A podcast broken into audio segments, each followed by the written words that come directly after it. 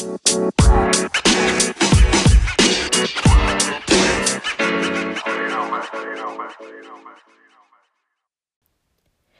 everyone, you're listening to the In Other News podcast where Black British voices converse around new projects, initiatives, share opinion, and life experiences. And as founding editor of In Other News, I'm your host, Candice Oxley. Hey everyone, and welcome to episode 20 of the In Other News podcast. What a year the last six months have been. we actually couldn't have written this. This was in nobody's 2020 vision at all. But I hope this time in lockdown has been in some way positive. I've actually really enjoyed living life at a slower pace, and I'm looking forward to continuing to create my own new normal. For everyone that's new, welcome to the family. And to everyone who's been with us for a while and been following the IG live series of conversations called Black in Quarantine, thank you so much for joining. We had laughs, we had tears, and countless, countless, countless gems. This quarantine has humbled us all in some way. Whether you're an intern or a CEO, we've all had to adjust. International Friends Day is at the end of this month, so throughout the month of July, I'll be talking to a selection of my friends about business, friendship, and just life. This episode is a full circle conversation with Tula Leanne founder Tula Lynch. Tula Leanne is a fashion brand that creates handmade accessories from cross cultural fabrics. From interning in an industry she now owns her own business in, we'll be talking business, life lessons, accessory making, entrepreneurial misconceptions, and more. As always, remember to like, share, and subscribe. And we back. Enjoy.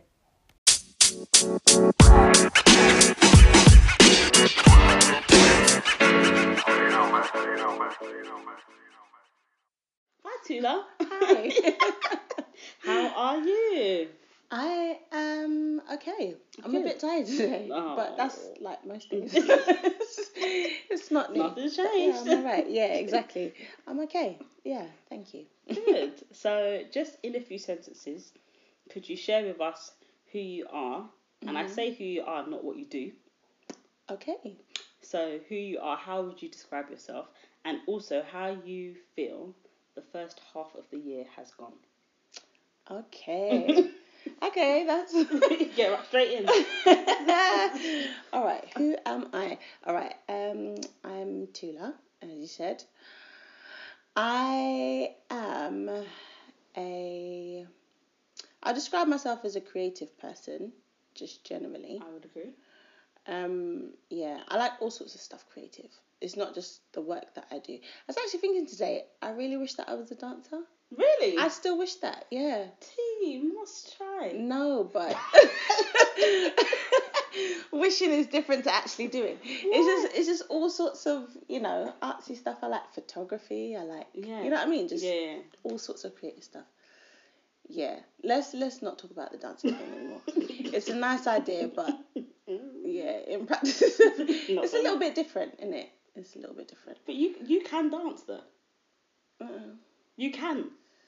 I, I I'd be very rusty now, in it. Yeah, but we just couple rehearsals done. Couple? Yeah. couple rehearsals. Two rehearsals. Two rehearsals. Like six weeks of rehearsals. Once a week, two hours.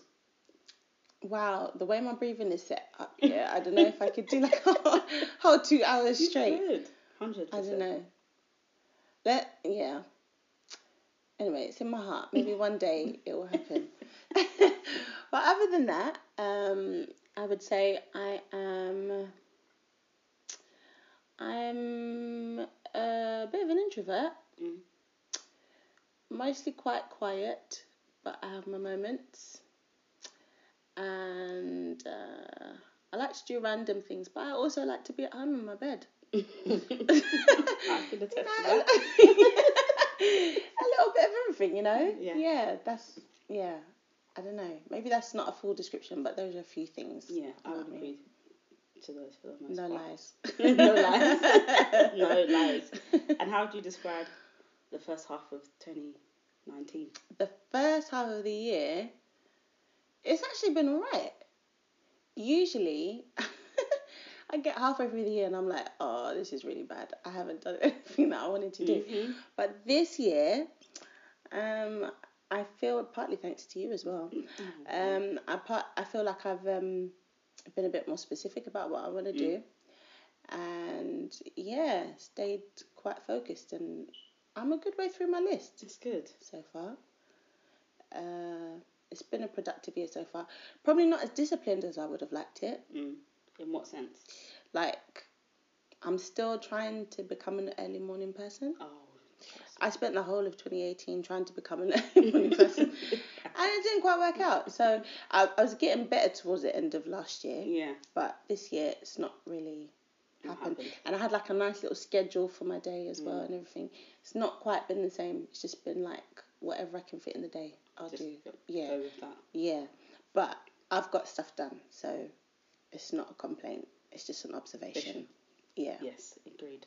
Agreed. I think, especially if you haven't always been a morning person, Yeah. trying to change your being a morning person for me isn't just waking up earlier. Mm. It means starting ending your day earlier as well. Yes. You can't still go to bed at one and expect to be up at five. yes. Like everything, if you're getting up two hours earlier, everything has to shift forward two hours Yes. earlier. Mhm. And I find that when I'm trying to be a morning person, that's waking up earlier is not the issue. It's Mm. shifting everything forward earlier Yeah. and not continuing to work into like Yeah. the early hours. That's the tricky bit. Yeah. That is hard. That's the tricky bit for me. That is hard. And I think um, the getting up early and being alert early, because sometimes you can be awake and be moving around, but like your brain, is- Not it's not fired up yet. No. yeah, that's kind of Yeah. how it is sometimes. But yeah, eventually, maybe by December. We'll make it. Because I really would like to be, because especially in the summer, yeah. like it's just so nice to have more of the daylight. Yeah. and yeah. then just to and it, it encourages you to wake up especially when it's bright outside Mm, um and if it's hot yeah. Like, i just want to be up if it's hot Yeah. um so yeah we'll get there Yeah, and a lot of my friends are night people. So I feel like if I'm up earlier, then I'm not contacting people and all that kind of stuff. I made a rule for myself that I don't, I try not to text people before eight o'clock, hmm just because if I decide to have a line, I'm not really appreciating appreciating it when people are calling me too early. So I try not to do that to other people. hmm Um, but yeah, if you get up earlier, then you know that people are still in bed, Bed, yeah. or getting ready to go somewhere. Yeah. So exactly yeah, one day. we'll make it Yeah, one day. and um off the back of waking up early mhm. currently what are you waking up early to be doing Well, I am waking up early most of the time to sew. yeah. Um. And I, no, hold on. Actually, I'm trying to do a new routine as well. Okay. I'm trying to do a bit of exercise in the morning. come on Yeah, it's yeah. I, I say that loosely because I've only recently started it and it's not been not great it's not been that great. Yeah, but um, yeah, I'm trying to do more things in the morning. yeah Do like a little bit of, you know, preparing myself for the day. yeah But yeah, it's usually to make sure that I can get a good amount of sewing done yeah in my day. That's usually why I get up early. okay and sewing what does that look like generally Well, um, I design and make accessories. amazing Yes, amazing I do. Amazing. Accessories such as Such as bags, I do bum bags and some drawstring bags and some tote bags and stuff like that, head scarves and such. At some point, I'm going to expand it. mm, Um, but yeah, it's all under the name Tula Leanne. and how did this come about? This is, I was going to say it's an interesting story. It's interesting. Is it interesting? Yeah. Okay, it's interesting. um, I just said it and then suddenly thought maybe it's not No, that no. interesting. but um, I how far do I go back? So I studied fashion design at Mhm. uni, and actually I wanted to be a fashion designer from since I was small. Really? Yeah. When you say fashion designer, is it like mainly clothes? Yeah, shoes? clothes. Okay. I wanted to make clothes. So I remember actually being in junior school and having like a little book that I used to draw pictures of clothing. Mm. In my mind, I can remember what some of them looked like. They were not very good, but but I always said, "Yeah, I want to be a fashion designer." And then I finished school, went to college, studied it, went Yeah. to uni, studied it. And then I came out, as most people do from uni, you think, yeah, I'm going to get a job. I'm just going to land a job. Yeah, man. Yeah. That didn't quite happen. didn't quite happen like that. So, like every good uni student does, I landed in a job that was completely not in my field. Completely. Completely. Always. not. Yeah. how it goes. Yeah, all the time. Uh, I was in music for about six years, I think. That's a whole different story, though. Yeah. Because although it's not your, it wasn't your discipline in terms of study, Yeah. it's very much part of Yeah. who you are. That's like the other half of Yeah. me. I'm calling her Tula Burrell. If anybody knows Kim Burrell, Oh no! Don't Tula do this! Don't do. like Kim no, Burrell. no, don't do that. It's, Yeah, that's, Tula Burrell. No, don't believe the hype. Tula Burrell. no, do you know what you're saying? That's like blasphemy. You No, can't say kind of things there. Tula Burrell. it's not. It's not true. I, I can sing, but not like that. Not like that. I will hopefully one day be able to sing like that. But um, yeah, don't. Yeah, please, let's not do that. not in public. we save those jokes for private. But yeah, not in public. Um, yeah, that's the other side of what I do. But I've always loved singing. Mm. Also sang from a very early age. Yeah. But I always wanted to do singing as my additional thing. Really? Yeah. I always thought singing was the main, you know? No, because I think what it is is um, I've always known that whatever happened, I would always be able to sing. Okay. Like I'm always around musical people, Mm. and I would always have that as an opportunity, which is why I didn't study it because I thought if I if I decided to study music, I wouldn't be able to do fashion, anywhere right. else. Right, right, But if I it. study fashion, I know that I'll always have music. Yeah. And I think that it's always been important to me to just be able to do singing because I love it, just Mm. to sing because I enjoy it, Yeah. and because it means a lot to me. So I'm passionate about music Mm. and about singing, but I didn't ever want it to be attached to my money. Okay. So the fact that I fell into it as a job was like, that wasn't the plan. Mm. I wanted to just do it because I love it. Yeah. But yeah, I ended up doing it for a while, teaching, singing workshops and stuff. You still do a bit of that now, right? Yeah, very small, not very much. Mm. Um, I do sing generally, Yeah. but not teaching as much. Okay. Yeah, And then after a while, I decided that I wanted to get back to, I wanted to get back to fashion, and that was for a number of reasons. I think it was partly because I was starting to lose the love for it, love the, the singing, Right. because of just experiences in that world. Came across a lot of people that were not very integral, Mm. and I got tired of chasing money. Yeah. and I got tired of the inconsistency. Mm. And though I was working in schools, I wasn't like paid staff, like the main staff, because the main staff, all through six weeks holiday, they get paid, yeah. Mm. But when you are peripatetic, it's like, oh, six weeks holiday. So what are you gonna do? how, how are you gonna stay alive? You're what just hustling through the whole six weeks. Like Yeah. that's that's a long time to not be working. Yeah. So I was like, okay, yeah, I want to get back into this. So yeah, went into. I feel like this is a long story. Sorry. went back. went into. Um, I did an internship, a couple of internships in fashion to get my feet wet again, and then decided that I was going to, um, like start a clothing line Mm. myself. And yeah, I was all on it last year, 2018. yeah. Did all the designs and everything. Did some samples. Where was I? I didn't I tell you about this. No, I feel like I did. guys, It- this it is news. this is fresh news yeah, to me. Yeah, I did it. I did it. Like I didn't. Was doing it for a little bit, but not very long. This was the time when I was going to um, the what do you call them? Those co-working spaces. Okay, I remember this time, but I don't remember that's what you were doing when you were there. Yeah, yeah, yeah. So I was like going there, doing a bit of research, and then like, doing drawings and stuff like that. And yeah, I did a couple of samples, and I had the idea of how I was going to do the business model and all this kind of stuff. So I decided, okay, look, now I have to actually make the proper samples Yeah. out of real fabric.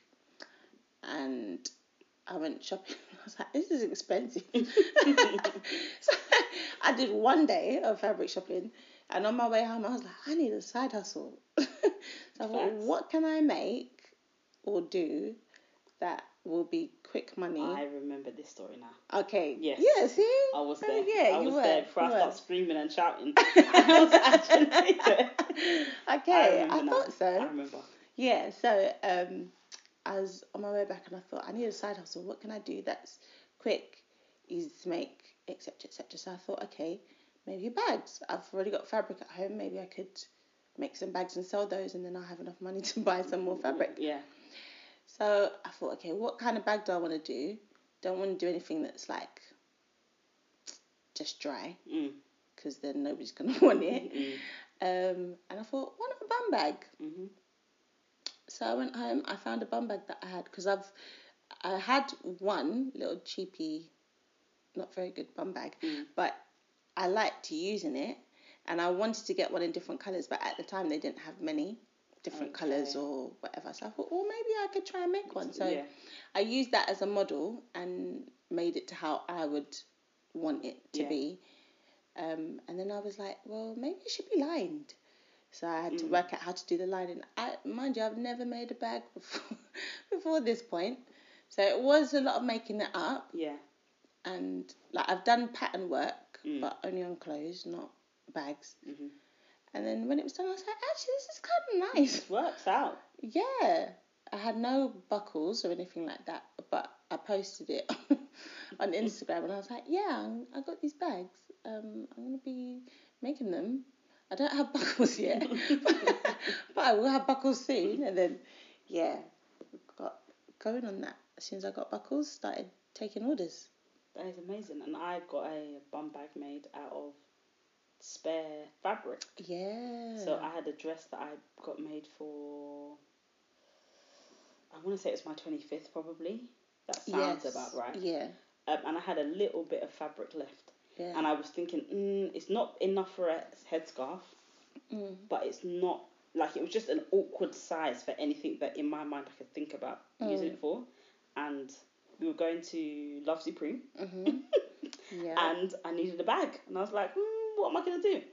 Oh my gosh, just see if she can just quickly whip it up, and it was literally just the right amount of fabric. yeah, it was. That worked out so so well. It was. It doesn't take a whole lot of fabric Yeah. to do. But yeah, having said that, it started off as a side hustle, but I actually really enjoy it. Mm. At first, I was just going to make a few and sell them Yeah. and then move on. I thought, actually, I, I might stick with this for a bit. Yeah, 'cause, yeah. yeah, I liked it. And it's um and a bum bag especially now Mm. is um it's almost like they've come back into fashion. Yes. So not time. even for like seasonally. Yeah. They've generally come back into fashion. Like people are wearing them all throughout the year. yeah. Um so you've literally come almost come into the market at exactly the right time. yeah. That's how I feel about it. I don't it. Anyway. even know how. But yeah, because I'm not really, I've never really been very good at following trends. Yeah. Although I studied fashion, I think I've always leaned more to the making side than Mm. the trend following bit. Yeah. So when I realised it was in fashion, I was like, oh, Oh. well done, Tila. This worked out well. This worked out well.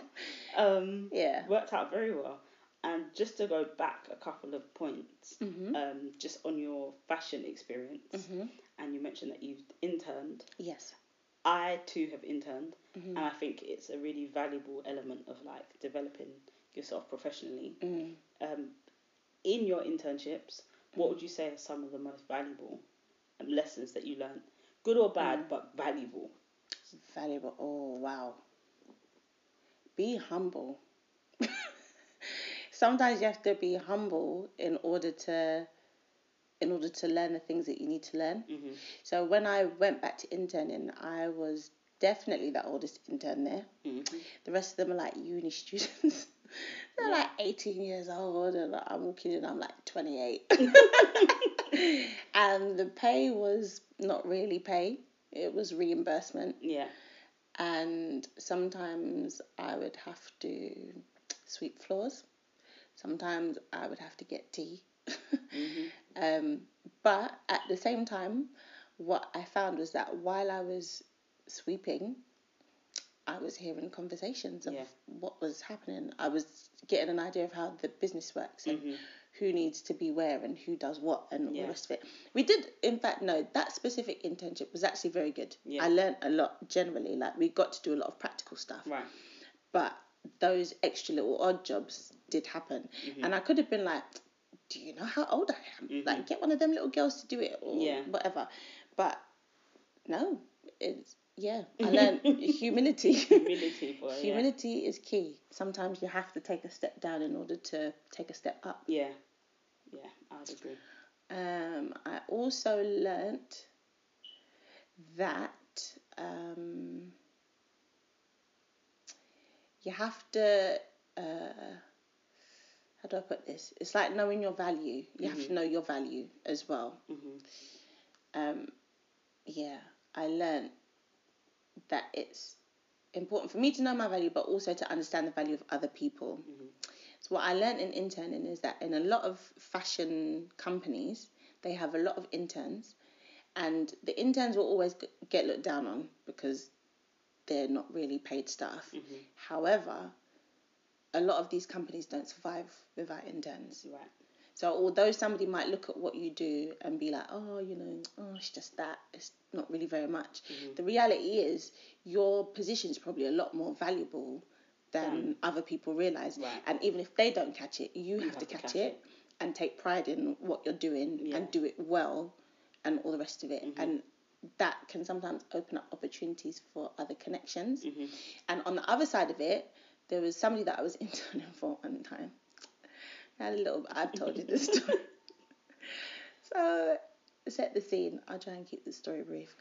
I was um uh, by one of the computers one day, like doing some of the work, and um yeah, the boss comes in and he's like at the other end of the table and he, he says, Nula. So I'm thinking he's definitely trying to call my name. That's not my name though. Mm-hmm. So I carried on working. I knew he was trying to call. Yeah. Yeah. So he says, Nula. Nula. Somebody said, It's Tula. So he was, he was like, Oh, oh, Tula. So I said, Yes. I mm-hmm. just kind of politely turned around, Yes. He said, Oh, you made me a really good cup of tea the other day. Can you make me a cup of tea, please?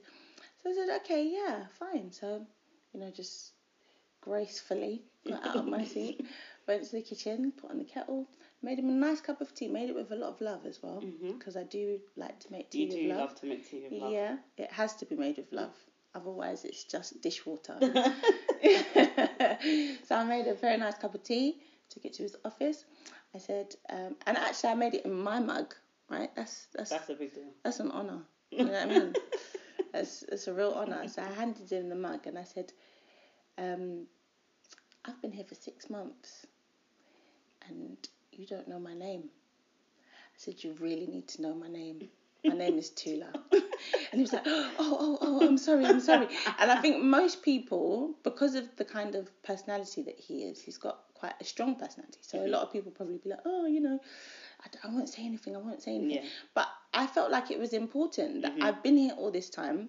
Because I'm an intern, you haven't Any- my name, kind but. I'm valuable to your company. Yeah. So me now, if I ever have interns or if I ever have people working for me, I have to remember what their names are because they are important to me. They Mm-hmm. Yeah. are helping me to make my money. Yeah. So yeah, those are a couple of the things that I learned. Yeah. Be humble and Value knowing your value. Yeah. and value others. And because I think the value others is important because you Mm. just never know how tables could turn. Yes. People that are, and not to wish badly on anyone, Mm. um, but you just don't know how life can flip. Mm-hmm. So I find that it's really important to not place any higher value on anyone else in a corporation. Mm. Even when I'm like I'm not interning anymore, but when I've worked different places, whether it's freelanced or contracted or full time or part time, for me the cleaner is just as important as the person Yeah. I report to. Yeah. So and because I see, I see people as human, not as their position. Mm. So anytime I go into a workplace, I'm always making sure the cleaner at least has me to say hello to in the morning or the evening. Mm-hmm. Um, I'll ask them about their day, just because I feel like they, they really get looked down on. But let a toilet not be clean. Yes. Exactly. Oh my god. Their gosh. name that's getting dragged. Wow. Because Yes. nobody nobody else is gonna do it. Yeah. Um, Yeah. So for me, it's really important to make everyone in a corporation feel valued. Yeah. Because also you just don't really know what people are going through Yes. um, from any level of business. And even I've done like some front of house stuff, which I found I found to be really really valuable. And I know that when I have children, instead of going into retail, and by that time, by the time I have children, the mm. likes of yourself and my other friends who run businesses and those that will run businesses, mm. I'm gonna uh, get them to be you lot's office managers. Mm, mm. because the way that you have to speak to so many different levels of the business and be able to turn on your professionalism at any given point and to talk to the VP of an external client to the catering staff to the guy that sorts out your air conditioning to the CEO of a bank Mm. in all in 10 minutes. Yeah. I think that being able to have those that variety of dialogue with people mm. is a like irreplaceable skill, and I don't think you get the same type of um, like professional training in like a retail environment. Mm. You get the people skill, so you deal with lots of different type of people requests. Mm-hmm. But I think from an executive position, from a, yeah, from an executive standpoint, doing front of house, office management, reception, the what how, the caliber of people that you have to talk to on a daily mm-hmm. basis, mm-hmm. I think is really helps you not be afraid of also from an ageist perspective, not be mm-hmm. afraid to talk to somebody that's considerably older than you. Yeah. Um, in a way where you command the situation because you're the face of the company at the end of the day. Mm. In retail, you are to a degree, but your manager is always the person that's going to get called if there's a problem. Yeah. Whereas when you're front of house, you are the person that resolves the problem. So if the CEO's got a meeting, the client gets there early, and they need to go in the room 15 minutes early, but it's not set up. There's no one you can call to tidy the room. It's you. Yeah. Yeah. Do you know what I mean? Yeah. Whereas if there's not an item in stock, they'll ask for a manager, or if there's something that's faulty, they'll ask for a manager. You don't Mm-hmm. have that. Um, so I think the accessibility as well yeah. of being able to to talk to so many different types of people yeah. when it comes to front of houses also really good. So although it's not an intern position and people look at it like it's quite elementary doing like front of house Mm. or reception it's really really valuable skills. Mm, really is. really valuable skills. So It you don't feel uncomfortable even talking to people in your own personal work talking to people that are more executive you'd consider more executive than you Mm, because you know that doing front of house or reception, you've spoken to a head of something or a chief vice president of something mm-hmm. in another forum. So you know that the type of conversation you need to have needs to sound like this. So Yeah. I just need to put that type of conversation in an email yeah. because you've done it face to face. So yeah, I would say I'd agree in that understanding and being respectful of others at any level of business Mm.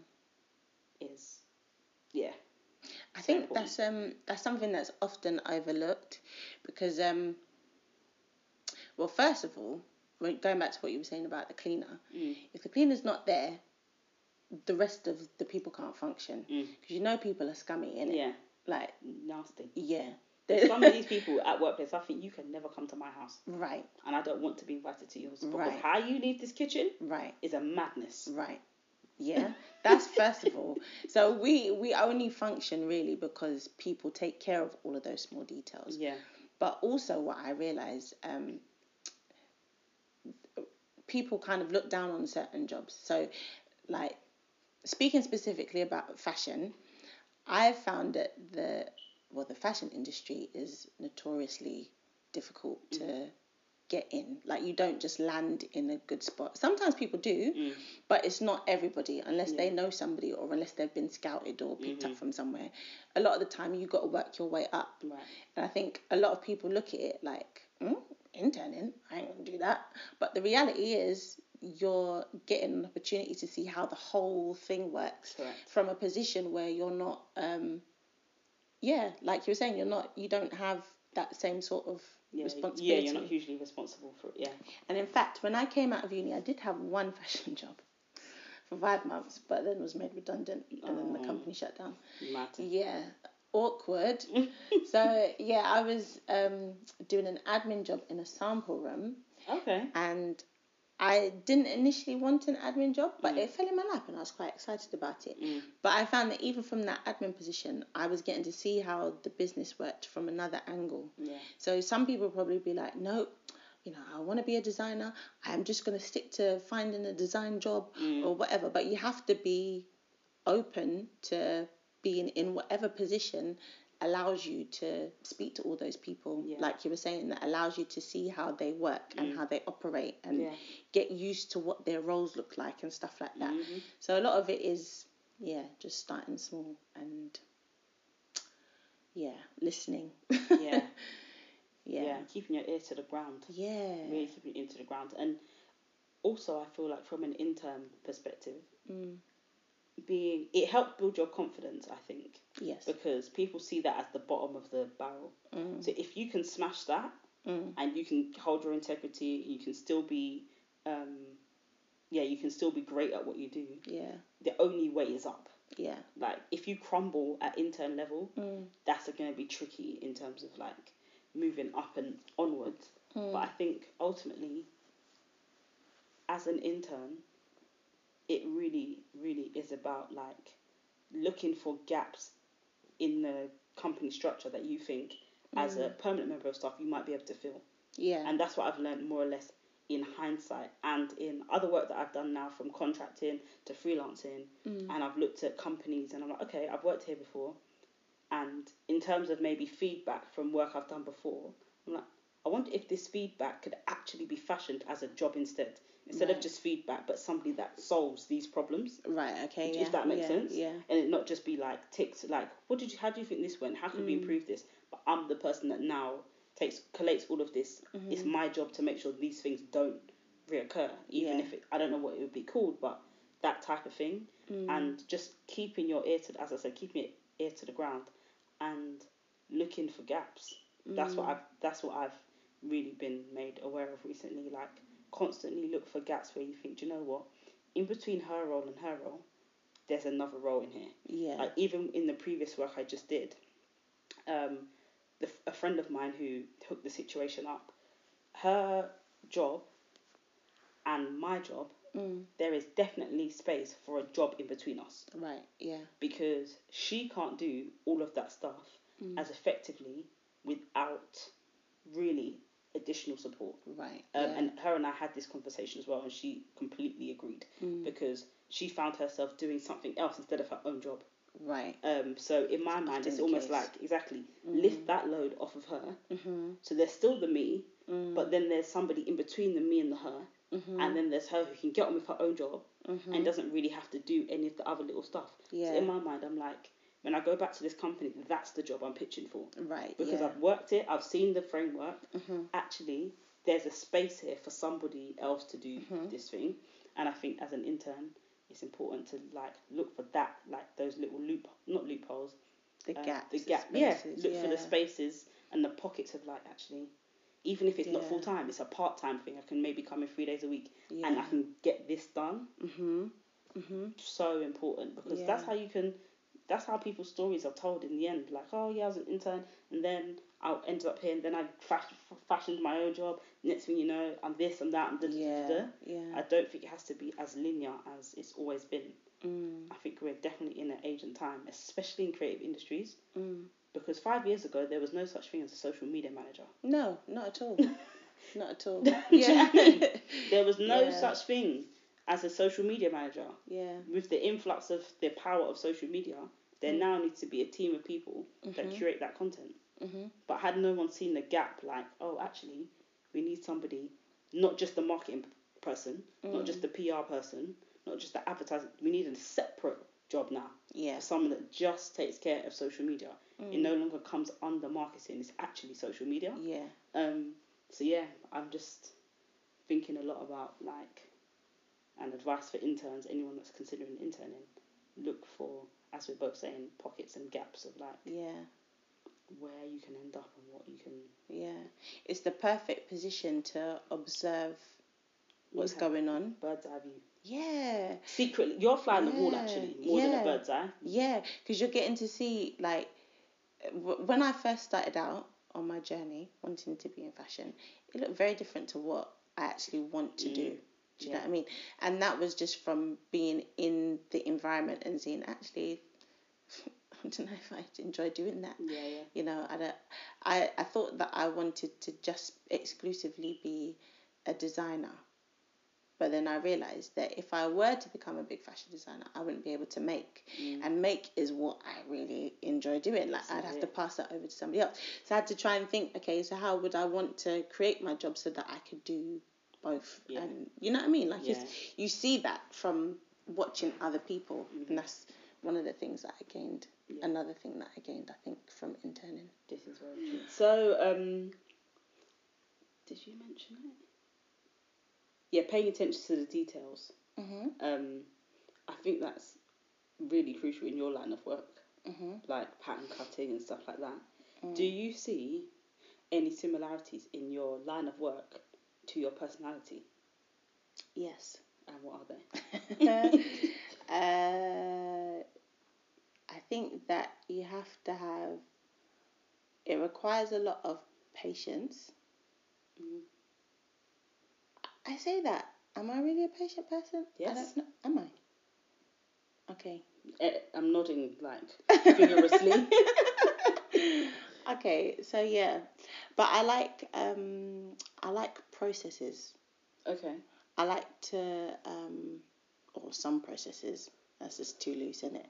It's not all processes I like, but I like to be able to see something from its beginning and then see it build into something. Oh, cool. Yeah, I'm like that with music as well. I was just about to say that. Yeah, because um, I think I've always preferred being in studio rather than on stage. And I think the reason why is because you get to see something start from nothing Mm. and then add all the layers and create it into something else. Yeah. So yeah, that's that's part of my personality. So the whole thing of like making a pattern, having an idea in your head of what you want it to look like. Sorry, just keep my water. it's okay. Um, the whole thing of having an idea in your head of what you want to make Mm. And then working out the measurements for it and then doing it on paper Yeah. and then doing it in fabric and then you know what I mean like it's it's a whole building process Yeah. and yeah I think that's quite me and it can often mean like it's not a sociable thing hmm and I'm not a hugely sociable person all the time. so it works well for me. If I was somebody that always needed to be, Be around, around people, and always needs to be in conversation, it would be hard. But sometimes I don't really need to talk. I can just chill, chill and work. Yeah. Yeah. I think that's um very accurate. Yeah. I think that's very accurate. very accurate. Yeah. And it's interesting that you say you like to see things build. yeah. Although I'm a dancer, I really like to see things build musically. Right. Yeah. Um, dance wise, I like to see it, but there's something for me. There's something about watching like live instrumentation all come together. Yeah. Like all of the tiny, not tiny desks, not so much tiny desks because Mm. you don't see it in the same way, but like live shows, like how it happens beforehand. Like even Beyonce's um, documentary, Oh, yeah. Yeah. Yeah. watching all of that come together, Mhm. that for me was really like amazing. Actually, when I say not so much dance, but actually when I think back to even just that documentary, yeah, dance Mm. hundred percent. Because even when I'm putting material together, and I think, okay, I like how this part of the song sounds. Let Mm. me see what I can. And sometimes I work through the song in different at different parts. Yeah. I guess that might be a bit like singing. You maybe do the Mm. chorus first, or you do the verses. I don't know how it works, but I found that Mm. in dance, I don't always just work through the song from beginning to end. Right. Yeah. I like pick out points, and I'll often do the routine to a different song. Right. Um, because if I want to channel a particular like feeling, Mm. so say for example the song I'm doing a dance to is um. Uh, what kind of music can I say? Jazz, Mhm. but like there's a bit in the song that kind of reminds me of reggae. Mhm. I'll like make up a. I'll listen to something that's reggae Mm. and make up a piece of movement, and like be informed by that style of Yeah, music, and then yeah. put that to the jazz. Yeah. Um, so, and I think that's also really why I like house music and like soulful house and Afro house Right. because when you listen to it, you literally hear the different layers of the song coming together. Mhm. You hear like a bass and then a hi hat and then like Mhm. other drums, congas, Yeah. bongos. I mean, and then you hear like keys and then you hear a bass and then you like I love the building of house. Yeah. Um, and I think that's what. Um, yeah, I think I say all of that to say I agree. Yeah. I agree in your description Yeah. of like your work reflected. Do you think that's the case with everyone? Like their work always reflects their personality. Uh, I think it should, because you, you're ending up spending substantial amounts of time doing it. So if it doesn't, then you're gonna suffer. I think a lot of people do jobs that don't suit them for the sake of money. I agree. I think that that does happen. Um, and that's like I'm not against that because people got to pay bills. We got to eat, Mhm. innit? Not everybody is in a position to be able to work for themselves, which is fine. Um, but yeah, I think when some if somebody has a choice to be able to choose what they do, I think it's good to choose something that suits your personality. Because then it's- it's like a continual struggle if you're not. It's, it's such a difficult one because we've got to be responsible in it. I, yeah, I guess my journey is probably a little bit different to some people's, um, because I work for myself now, Mhm. so it's different. I feel like that's working for yourself is like a whole nother conversation. Mm. What comes out of that is like a whole nother. It's a whole nother thing. Yeah, it's a lot. Do you have any regrets? No, not today. I'll tell you what though, um, something that I've realised about myself and a lot of other creative people is that this whole creative process goes in peaks and troughs. Mhm. So some days that you're like, yes, I'm going to do this and I'm going to take over the world and I'm just going to be so creative and so awesome. And then a few days later, was like, this is awful. I have no money. I have no friends. I have no food. Yeah, yeah. What, what am I going to do? Like, this is a disaster. I just need to, what, what did I do? Why did I leave my job?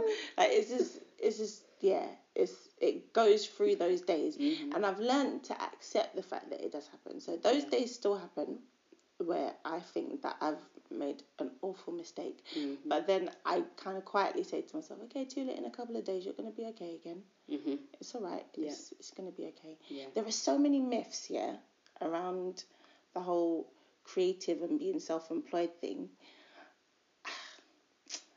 I feel like I could just do a talk on it one day. you know, just, The just myths of the break it all creative. down. Yeah. Tula's TED talk. Yeah. and it would be like about an hour long because there are so many things like people say, oh, you know, it's great that you get to do what you love. You know, you get to do it every day and it's so good. And I'm like, yeah, it is good, but there are many things that come along with that. Like there's a lot of burden that comes along Yeah. with being able to do what you love. Mhm. So, unlike the person who has a nine to five job, I'm probably working till 10.30, 11 p.m. Mhm. if I have a night where I'm not going out anywhere. Mhm. It's literally like that. Like, if I'm not out, I'm in my sewing room. Mhm. And I'm not making the same kind of money that a nine to five person is making. There's no such thing as sick pay, paid leave. We don't get that. Like, there's no annual, like, it doesn't happen like that. Yeah. You don't get a standard salary. Mhm. If business is good, you're getting paid. If business is not good, you're not getting paid. Mhm. If you get sick for however long, that's on you. Like that's, do you know what I mean? So you have the one side of it where I love what I do. I get to make stuff all day. That's one thing that I said for a long time. People have said to me, "What would your ideal job be?" I said, "I just like to make stuff all day." I thought that that didn't exist, but I'm actually doing, Doing it now. Praise the Lord. Yeah, isn't that good? So yeah, I'm I'm actually doing it now, and yeah, it feels good a lot of the time, but there's also a lot of responsibility that comes along with it. Yeah. You know, Yeah. you got to think about all the outgoings. I watched this video. Somebody sent me a video of this guy talking um, about his girlfriend and how she goes to the nail shop. And um, he was saying, I was sitting in the nail shop with her and I was looking at all these people who were here. And she pays this many dollars to get her nails done. And there are like this many people in the seats.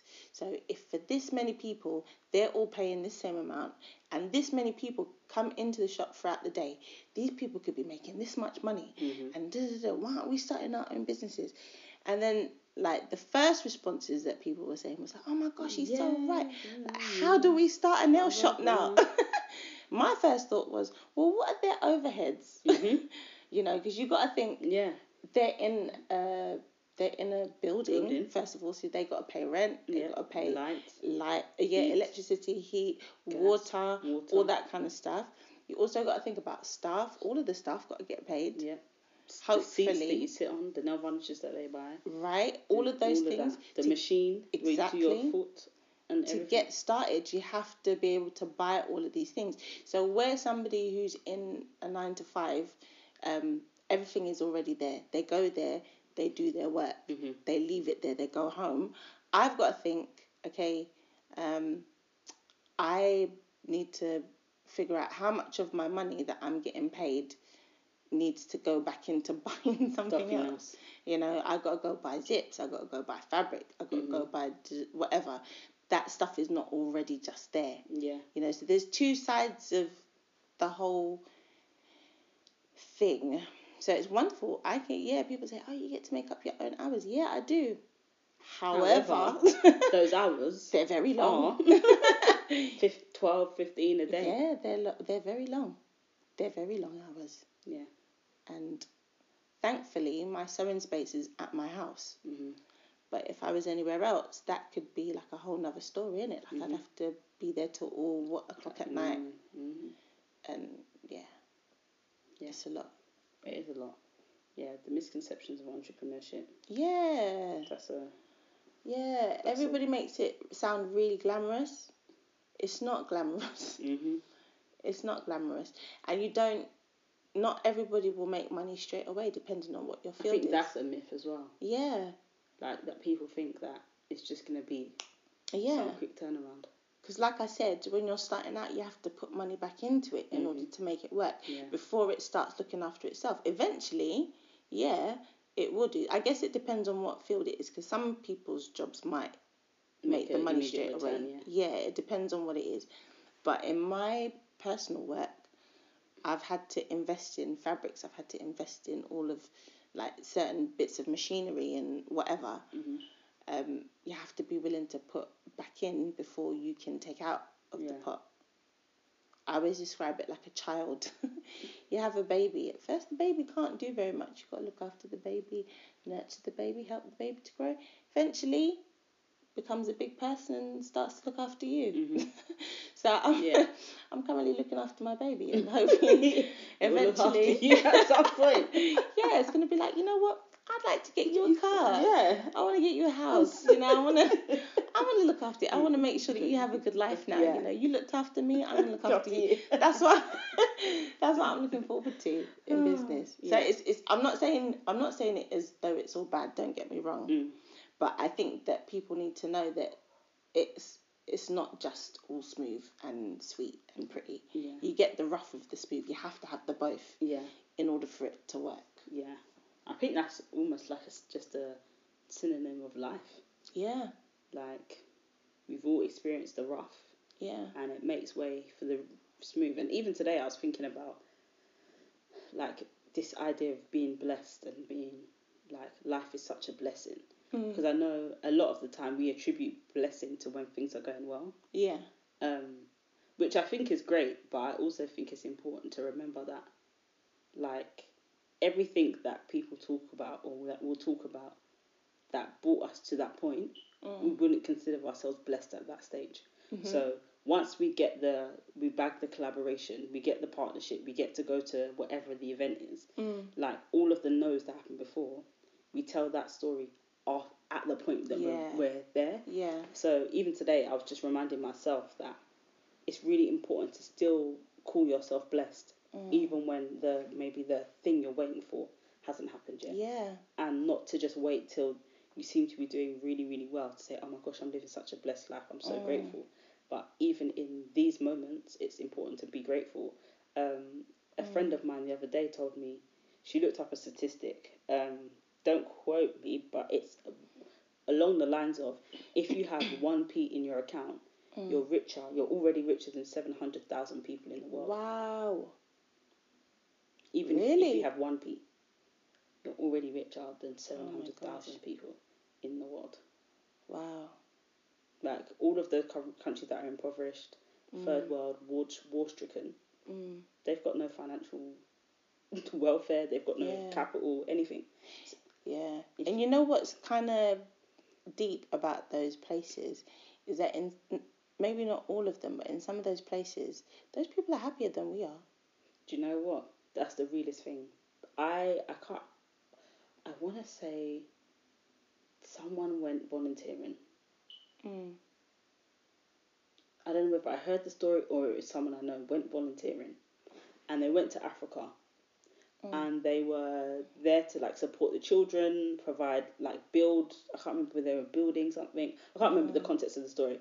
Anyway, when they were talking to the children, they were offering them stuff. The children were saying like, "No, Mm. I don't want it," because they didn't feel that they needed that stuff Mm. to be happy.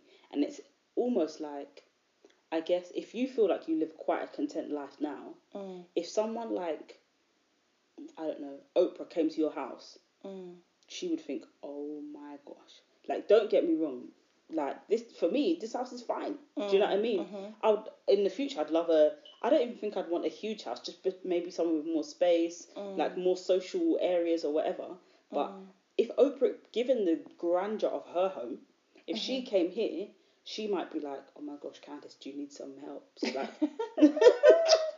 Yeah. sort out your house. Yeah. And the, and I'd probably be like, well, I just need to paint outside, but other than that, like we'll be fine, kind of thing. Yeah. And I guess on a smaller scale, Mm. that's probably that's how, um, in line with what you were just saying about people are happier in places that are Mm. more pov- impoverished.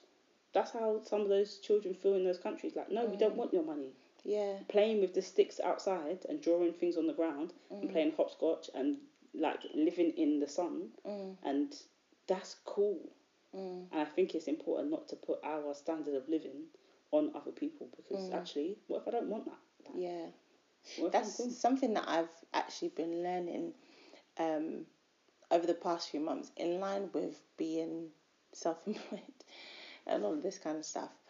Um, is that a lot of the time, the reason why we're upset is because we see what other people have and we wish that we had it, or sometimes you re- you're fine, you're fine, and then as soon as somebody points out something that you don't have, it's like, oh, Mm, actually, actually. maybe I do need it. Yeah. And I had to stop and say to myself one day, you know what, Tula, you're doing okay hmm because I'm not by any means where I would ideally like to be. I don't have all of the things that I would like to have. Um, I'm not, my business is not in the position that I would like it to be as yet. However, I am in a position where I can do this and I'm not starving.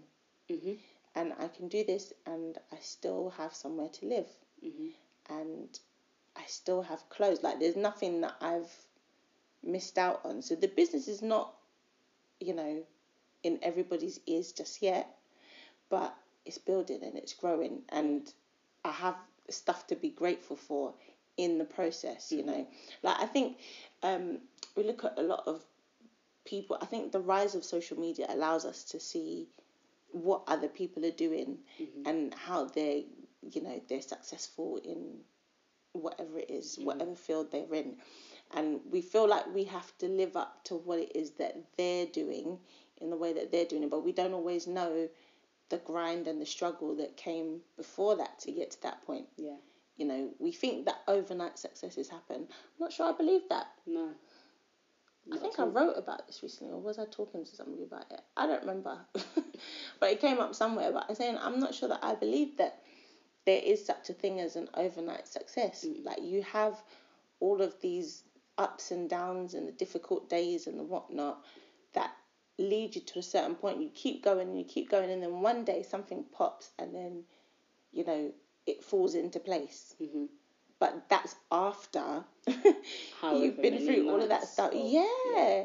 all the sleepless nights, Mhm. all the um, long days, Yeah. all the that you've worked up until that point, Mhm. and not everybody appreciates that. Yeah, and even aside as well as all of that, the mental health struggles that happen in the midst of all of it. Because even if you're maybe not staying up as late as another person that's trying to build, or your day's not as long as another person that's trying to build, but Mm. you really struggle with depression or anxiety or imposter syndrome or Mhm. PTSD or any of those things, Mm. those things are the things that can also they they can hold you back to a degree. And then once you quote unquote make it, Mm. it's like, oh my gosh, yeah, they they literally just came out of nowhere. But they've although they may not have, as I said, they may not have been up as late or worked as long, Mm. they they are crippled with depression most days. do, you know what I mean? So the fact that they've even made it to this point is a success in itself. Yeah. So um, Mm. yeah, this thing's it's not it's not easy, but I think the even just the wake of people um, working on doing something that brings them joy, Mm. and that there's a tribe of people like emerging from different places, and Mm. that everyone's coming from a similar viewpoint of this thing is peaks and troughs, you know, Yeah. this thing is highs and lows, Literally. and if you've got a tribe that you can actually talk to when it's low and when it's Mm. high, it can make the process not feel as like, Mm. ugh. that's so important, you know, because I found that at this point I have more creative friends than I've probably ever had. and before, when I used to have all of these ups and downs, like even when I was in music, yeah, um, and I'd have days where I'm like, this, I just don't have any money. I'm just so annoyed, and I, I just want to go and get a different job or whatever. Um, it, I didn't have people that I could say that would say to me, "Oh yeah, I feel the same way," because I wasn't around as many people like that. Mm-hmm. But now my circle of friends is a lot more creative. Just happens to be that way. And um, just in conversation, I'll give you an example. There's a friend of mine who's um, who's a designer, also what type of a design? graphic designer, and um, earlier on in the year we decided to have like a little sit down and um, talk through some of our goals for the year. So it started off with me, and I was sort of like listing out, you know, telling it's extra accountability, Mm. sort of listing out some of the things that I've got that I'd like to do this year. Mhm. And um, she was saying, okay, so how are you going to get this done? What are you? What are going to be the steps that you take? So kind of talking through them. And I don't know why she got up. I think she had to leave the room. Maybe she got a drink or something. I don't know why she left the room.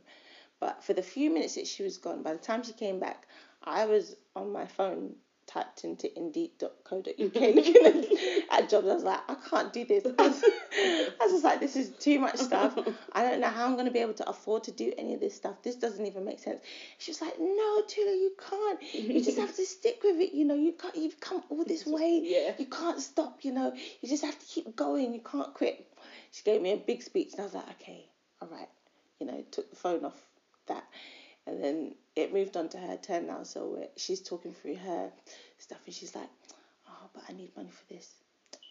I'm gonna have to get a job, you know. and I was like, no, you just told me that I have to stick with it. You have to stick with like that's that's literally how quickly it's happening. It's happening. It's happening like minutes apart. Yeah. You know, we're we're having these momentary breakdowns where we're like, I can't, Can't I do can't do this, and it just helps sometimes to have people around you that are going through the same meltdown Mm-hmm. as you. It's helpful when they're not going through it at the same time as you. You can kind of take turns. Yeah, But it's helpful when you see it, so you know that it's not abnormal. yeah, That it's actually a thing. Yeah. You're in a position where you're not so secure. You're Mm-hmm. not. Um, you don't have that extra blanket. And a thing that I always say about creativity is that it's not like a job that involves numbers where you add up numbers and they're always supposed to come to the same amount. Every time you add it up, it will always comes to the same amount. Yeah. You create something and you share it. Some people will like it, some people will not. Mm-hmm. Some people will be very vocal about liking it. Some people will be very vocal about not liking it. Mm-hmm. And if people don't like it, it's not, oh, there's a discrepancy with the numbers. It's personal. Yeah. It's like, this is my thing now. Like, I feel uncomfortable about the fact that you don't like it. And it, I think that just generally creative people somehow tend to be a bit more emotional Yeah. because then it turns into oh it's about me i'm just not good enough as a person i'm Mhm. not i'm not smart enough i'm not strong enough or Yeah. whatever um but yeah i'm learning that all of us have those moments. And we all have to work through those moments. And it does make you stronger Mm-hmm. eventually because then you start to be able to talk yourself down off the cliff. Usually you'd have to have somebody else do it. Yeah. after a while you start to learn to talk yourself down. Like i was saying about um, when i um, when i have those days i can say to myself tula it's going to be okay in a couple of days you're going to be all right Yeah. i know that now so i can talk myself off the ledge Mm. and just keep working Yeah. you know what i mean so yeah your circle is important and having people that get it because boy not everybody does Not everyone does.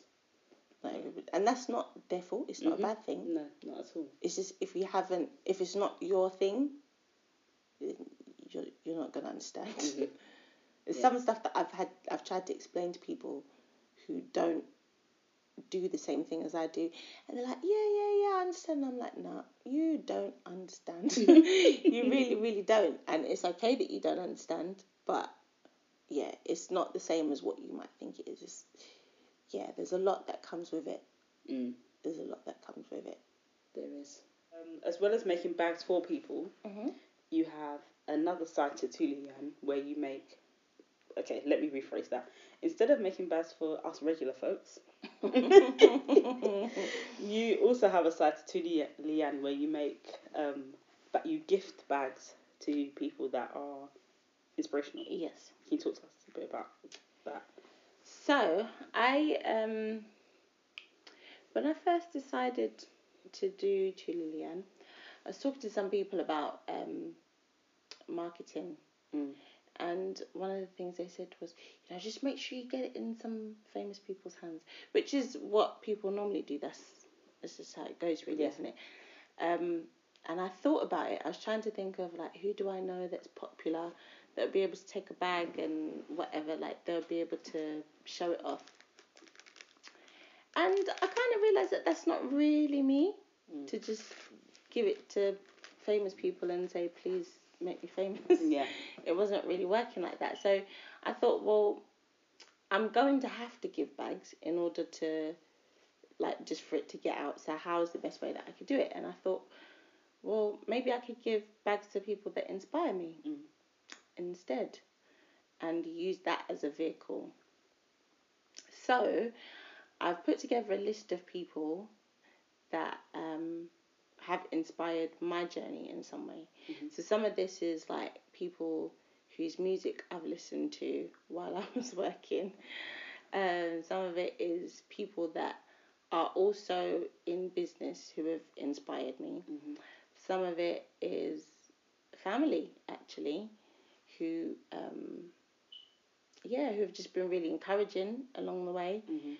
Um, and yeah, the idea is that I make a bag for them, give it to them, and then do a little write up that I put on my social media and Yeah. on my website. So thus far, hmm who have been the culprits? Uh, the first one went to Bazil Meade, Mm-hmm. who is the founder of LCGC, Which is the London Community. Say the words again. the London Community Gospel Choir. yeah, it's MBE right?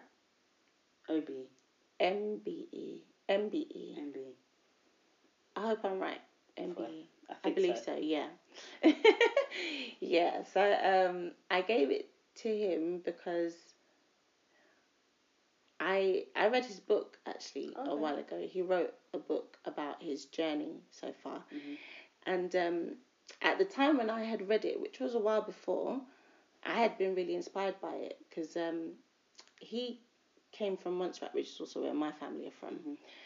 and uh, he talks about his journey coming up as a little boy and then um, being in England and uh, the journey that it took to get to becoming a choir and the whole process. It was just like from nothing to this choir that is now going on all these international stages and all Mhm. this kind of stuff. It gave me inspiration to think, well, actually, I can do that kind of stuff. Like, Yeah. you don't have to be from something big in order to create something big. You can Yeah. build. So that was the first one. Second one was one of my favorite artists, Yeah. PJ Morton. Amazing. Yes. Yes, this was a great day. Yeah, I do love PJ Morton. And actually, when I first got back into sewing, like for myself, doing it on my own, there were some days that I would just listen to his music. I started off working in my front room. Uh, my mum was so gracious; she did not kick me out. I had this massive table that I sat up in the front room, and then I'd plug my music into the TV, Yeah. and then listen to P- PJ Morton's albums like one after the other because it was just it was just good music to work to, and there Mhm. were some of the songs that I found really inspiring. Yeah. Um, so there were certain albums that if I listen to it, it reminds me of when I first got started. Yeah, yeah. And I heard that he was coming to the UK, hmm and felt like it was very appropriate to try and see if I could get a bag to him, which was, yeah, that was interesting. I learnt that Instagram, trying to inbox in Instagram is not very useful. so um, I was talking to my brother one day and he was like, well, why don't you just make it and take it? So I was like, okay. I don't know if he's going to like it, but I'll take it. so yeah, I went to the concert and took a bag along with me. It was like the bag was burning a hole in my hand through the whole concert. just needed to give it. I was like proper, proper nervous. So I waited till the end and the little meet and greet bit, and um, with a little bit of uh, gas nut from some good friends, Candy. I managed to go over and hand in the bag and left a little note in it to say thank you for the inspiration and whatnot. And then lo and behold, sometime later I saw him wearing the bag, Yeah. Which was awesome. Amazing. I, ge- I genuinely thought he might just leave it at the venue or give it to one of his staff or something like that. But I was like, wow, it's actually in a picture. Mhm. So that was really cool. hmm The third one was Jake Isaac. Oh yeah, Jakey. Yeah, he's one of my good friends. Um, I feel funny to say that because then, like, you know, when um, like people are doing well, and then you say, "Oh yeah, this person is my good friend," and then you find out actually no, they No, don't no. know. but No, he's but actually a- I can vouch yeah. I'm not lying. I'm not lying. I'm not lying. Yeah. um, but I put him down on my list because he's a music artist in his own right. He's doing really, really well at the moment, coming up the ranks, singer songwriter, and being recognised around Europe. Mhm. And um, yeah, I have been inspired by his journey because I've seen it from the beginning, Mm. like from when there was no music, Yeah. not no music, from before he was doing all the solo Yeah, stuff yeah. and seeing where it is now and the peaks and troughs. He's one of those people that I've seen those peaks and troughs with, and he's seen a lot of my peaks and troughs as well. And it's been an encouragement, especially starting Tula Leanne. I've needed people around who were going to say, well, actually, Tula, maybe you're thinking a bit too small about this, make it a bit bigger, Yeah. or do a bit more with this. Yeah. And he's been one of those people. So I felt like he should have a bag. Um, and the next one was Tessa Bennett Oh yes. who is also a friend of mine, and she runs this really incredible initiative in Tottenham called Helping Hands, and she basically is a it's a service for people who have daughters or sons um, with long natural afro hair um, and they basically just braid their hair, braid children's hair, because some people have trouble looking after their children's hair. So once a month, people can come and have the service. They're not paying a specific fee for it. They just say, you know, if parents want to donate money or want to donate um, hair oil or um, hair or whatever, Mm-hmm. then they can do that. And yeah, it's been really helping a lot of people in the community. And I find it really commendable because she's got a really giving heart. Mm. And there is one that is in the pipeline at the moment. I'm not going to say just yet. I'll just wait and then yeah. But it's another person who I've watched their journey Mhm. and felt very inspired by. Um, there's someone else you gave one to. Was there another one? How many have I done? You didn't give it to them personally, I didn't. but you Who is that? You gave some. You gave it to someone else to give it to them. Oh. yeah, but that one didn't actually make my list though. Oh, he was not on your list. No, I just wanted to do that. Oh, that's that's even better. Yeah. I don't know if he's ever gonna wear it though. So never know. You actually never know. Yeah. I can't see him not wearing it, not wearing it because of his style. Yeah. We're definitely speaking in code, guys. It's Sam Henshaw. Yeah. yeah, because um, the one thing that I wanted for my birthday this year was to go to the Sam Henshaw concert. I don't really ask for a lot for my birthday, as you know. People are like, "Oh, what are you gonna do for your birthday?" Every year, and I'm like, I don't really want to do anything. But this year, I said, "Yeah, I would like to go to Sam Henshaw concert mm. because it was just a few days after my birthday." yeah. So, my little cousin, who is a singer, an amazing singer, she was singing with him that evening and she managed to pull a few strings and get me in. So, I thought, you know what, as a thank you for what I knew was going to be a great night and um, for not kicking me off my cousin's guest list. Who are these people? Why are you bringing these people? Yeah, for allowing her to bring me along. I thought, yeah, let me make a bag and bring it along. So I gave it, and I heard that he did like it, but yeah, I don't know. Might have given it as a gift to somebody. No. I will never know. I We'll will never never know. Yeah, but that's the whole point of it. It's not necessarily, um, yeah, it's not all just supposed to be about trying to get people to be seen in it. It's like you've got it. You know what this is about. Maybe if you're talking to a friend, you might tell them or whatever. But it's the whole thing of trying to get into that practice of being able to give and to say thank you and to show appreciation. Yeah. So I don't think we do often enough, you know. We take, but we don't necessarily give. Mhm. And I can't give away all bags. I don't know if I come into some major money one day, then I might just do it for fun and just give them away. But as I don't see that happening just yet, I do have to, you know, Yeah. be a bit mindful. But there are a few people that, yeah, I just wanted to say thank you to. Yeah, It's a nice. It's a really nice idea. Yeah. I have quite a few more people to get through. For I'd really like to make a bag for Avery Sunshine. We're right here, ready. Yeah, I would like to. I don't know how Should, to do that. I don't know how to get that. Do you know what I've realised? In these, although people say there's six degrees of separation, Mm. I feel like in the creative industry, and especially I feel like, okay, specifically I feel like in Black creative London there's like Mm. one degree, Mm. but I think in Yeah. terms of Black creatives in general, yeah, we're probably only like three people away yeah, from the person. yeah, Like it's quite likely that Jake knows somebody who knows somebody who knows Avery. probably. Do you know what I mean? Actually, yes. yeah, because the thing is, right? I it's just yeah. I've wanted to try and get in touch with them, or I've tried to get in touch with them, just like generally. But you know, these things are not very easy to do. Mhm. But I did say that I would like to make her something because actually a lot of this sewing thing got started after having heard one of her songs, The the wings one. Jump. Yeah. Jump. Yeah. It says jump and watch your wings grow. And there's a whole long story behind it. I'm not going to go into the long story, but in hearing that song, it reminded me that like sometimes you do just have to take a leap and you know as you're as you're jumping your wings kind of figure out what to do Mhm.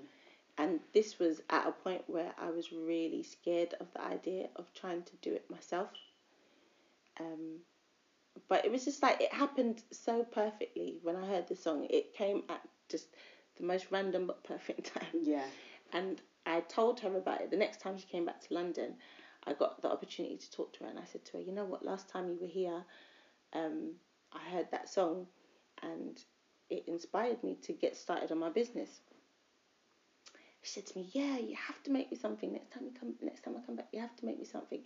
She hasn't come back yet, but I've kept it in mind. At the time, I said, "Yeah, yeah." In my head, I thought, "Tula, why did you say yeah? what are you gonna make her?" Because I wasn't doing bags at the time. Okay. So I was like, "What am I gonna? How am I gonna say that I'm gonna make her something? Tula, you crazy?" But now I actually have something that I could make her, so I'd like to make her something. I'm just gonna put that out in the air. hmm This is actually my first Tula Leanne interview. Really? Yeah. Oh, thank you for choosing in other news for this to be. Of course, where else would I part go? I'm actually, I'm actually a genuine fan of the podcast. I I have subscribed Thank you. It means a lot. and I have It listened really to all the episodes up till now. It really means a lot. So this, you know, I feel very privileged to be on here. I'm probably going to be at home on my sewing machine listening to this and cringing. Yeah. Oh, oh know After I release them. I don't listen.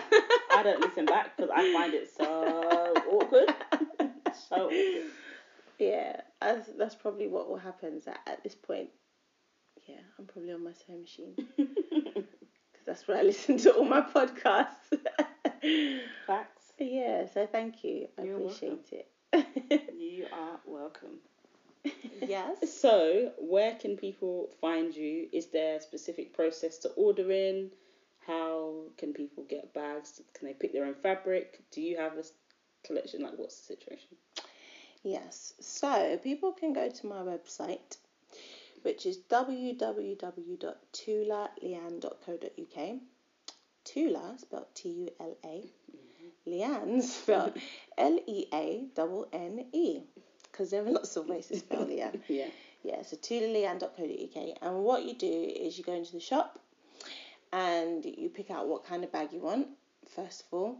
And then under each bag type, like at the bottom of the page, there's like a little gallery hmm that will show you um, the different materials that I have and the different linings that I have. So people can just like check the name of the fabric and then when they're ordering, they can select what fabric they want Yeah. the order comes through to me. Uh, give me about two or three weeks, Okay. and I'll make it and send it. Okay, perfect. That's the process. Okay. And what's your social media as well? So people can follow you and keep in touch. Social media uh, on Facebook and Instagram it's just Tula Leanne. I hope no, it's Tula Leanne. And on Twitter, to be fair, I- I feel like not really many people follow me on Twitter. Mm. It's not really my strongest platform. Instagram is better. Yeah. But on Twitter anyway, it's Tula Leanne underscore. Okay yeah. Perfect. Well, thank you so much for this chat. I really appreciated it, and um, yeah, I hope you guys enjoy it. And yeah, thanks so much for coming. Thank you for having me.